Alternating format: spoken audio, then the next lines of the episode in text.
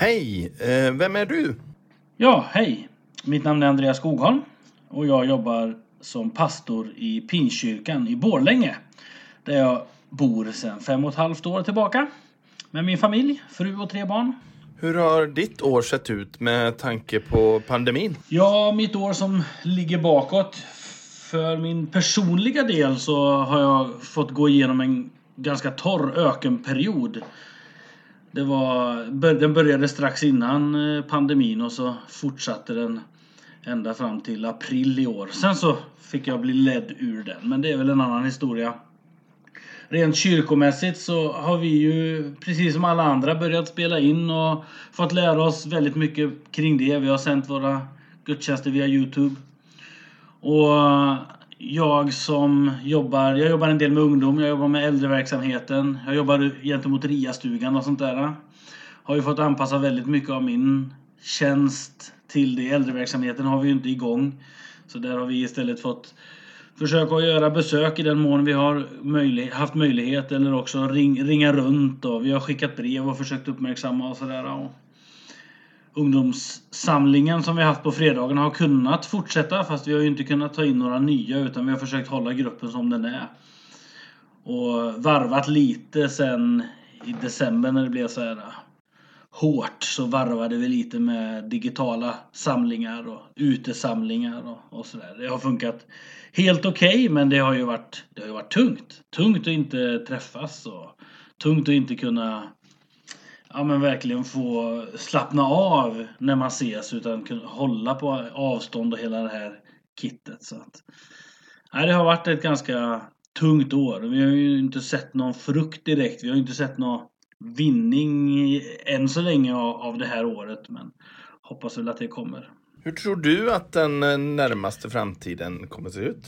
Den närmsta framtiden så, ja vi kommer väl um, vi fortsätter, alltså nu i sommar så sänder vi gudstjänster via digitalt, via Youtube. Vi, vi har gjort det, valt att göra det för att vi hade planerat in det och vi hade spelat in dem redan och det blev en alldeles för stor produktion för oss att dra igång och träffas live under sommaren. Vi har träffats tre gånger nu. Vi hoppas ju och hoppas att vi kan träffas i höst igen och fira gudstjänst normalt och, och att ungdomarna kan ses normalt och sådär men det är ju som det är. Alltså pandemin är ju som det är. Man får ju ta det som det kommer. Det är ju inte... Man vet ju inte hur den närmsta framtiden ser ut. Och det är en massa olika eh, vaccin och, eller vad heter det, olika såna här eh, mutationer och, och grejer som... Ah, man, vi får se hur det ser ut men vi hoppas ju på ett öppet, en öppen höst. Där vi åtminstone kan få ses och fira gudstjänst ihop. Och förhoppningen är ju också att komma igång med någon form av daglig reträff där de äldre kan ses. Tror du att det kan komma något gott ur detta? Jag tror absolut det kan komma något gott ur det här. Vad det är, det vet jag väl inte riktigt men man ser ju exempel runt om i Sverige man har hört om och vi ser ju också exempel på människor som nya människor som tittar på våra gudstjänster. Vi har också en del äldre medlemmar, alltså inte äldre i ålder utan medlemmar som har varit medlemmar länge som inte har eh, varit med i gemenskapen men ändå har börjat titta på våra gudstjänster på nätet. Förhoppningen och längtan är ju att de ska hitta hit och det vore ju väldigt gott om de gör det.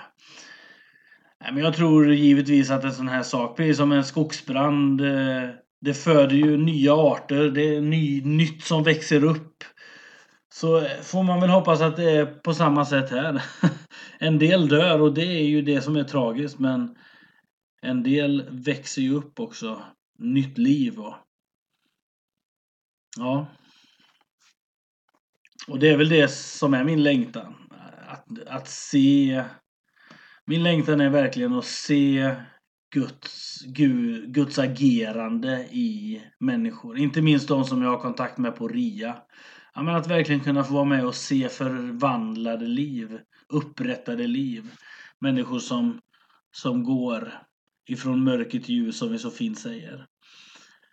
Ja, det är nog min största längtan. Och bland ungdomarna, att få se nya ungdomar, kompisar komma till tro verkligen välja välja dopets väg och även de äldre, vi har ju många äldre som är med på våra dagliga träffar när de har funnits som inte tror utan de är med för samkvämen och tycker det är trevligt. Men det skulle vara himla nice att verkligen få döpa någon äldre. Jag har inte varit med om det personligen.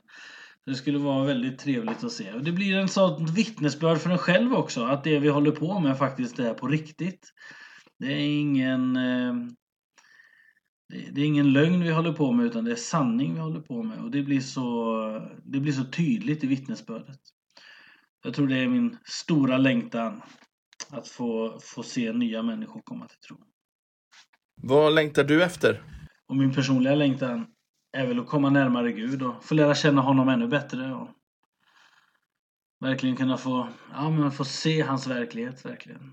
Träda in ännu mer i, i gåvor och utforska mer om vem Jesus är. Lära mig mer tillsammans med alla de heliga, som det så fint står. Tack så jättemycket. Ja, tack så mycket för mig.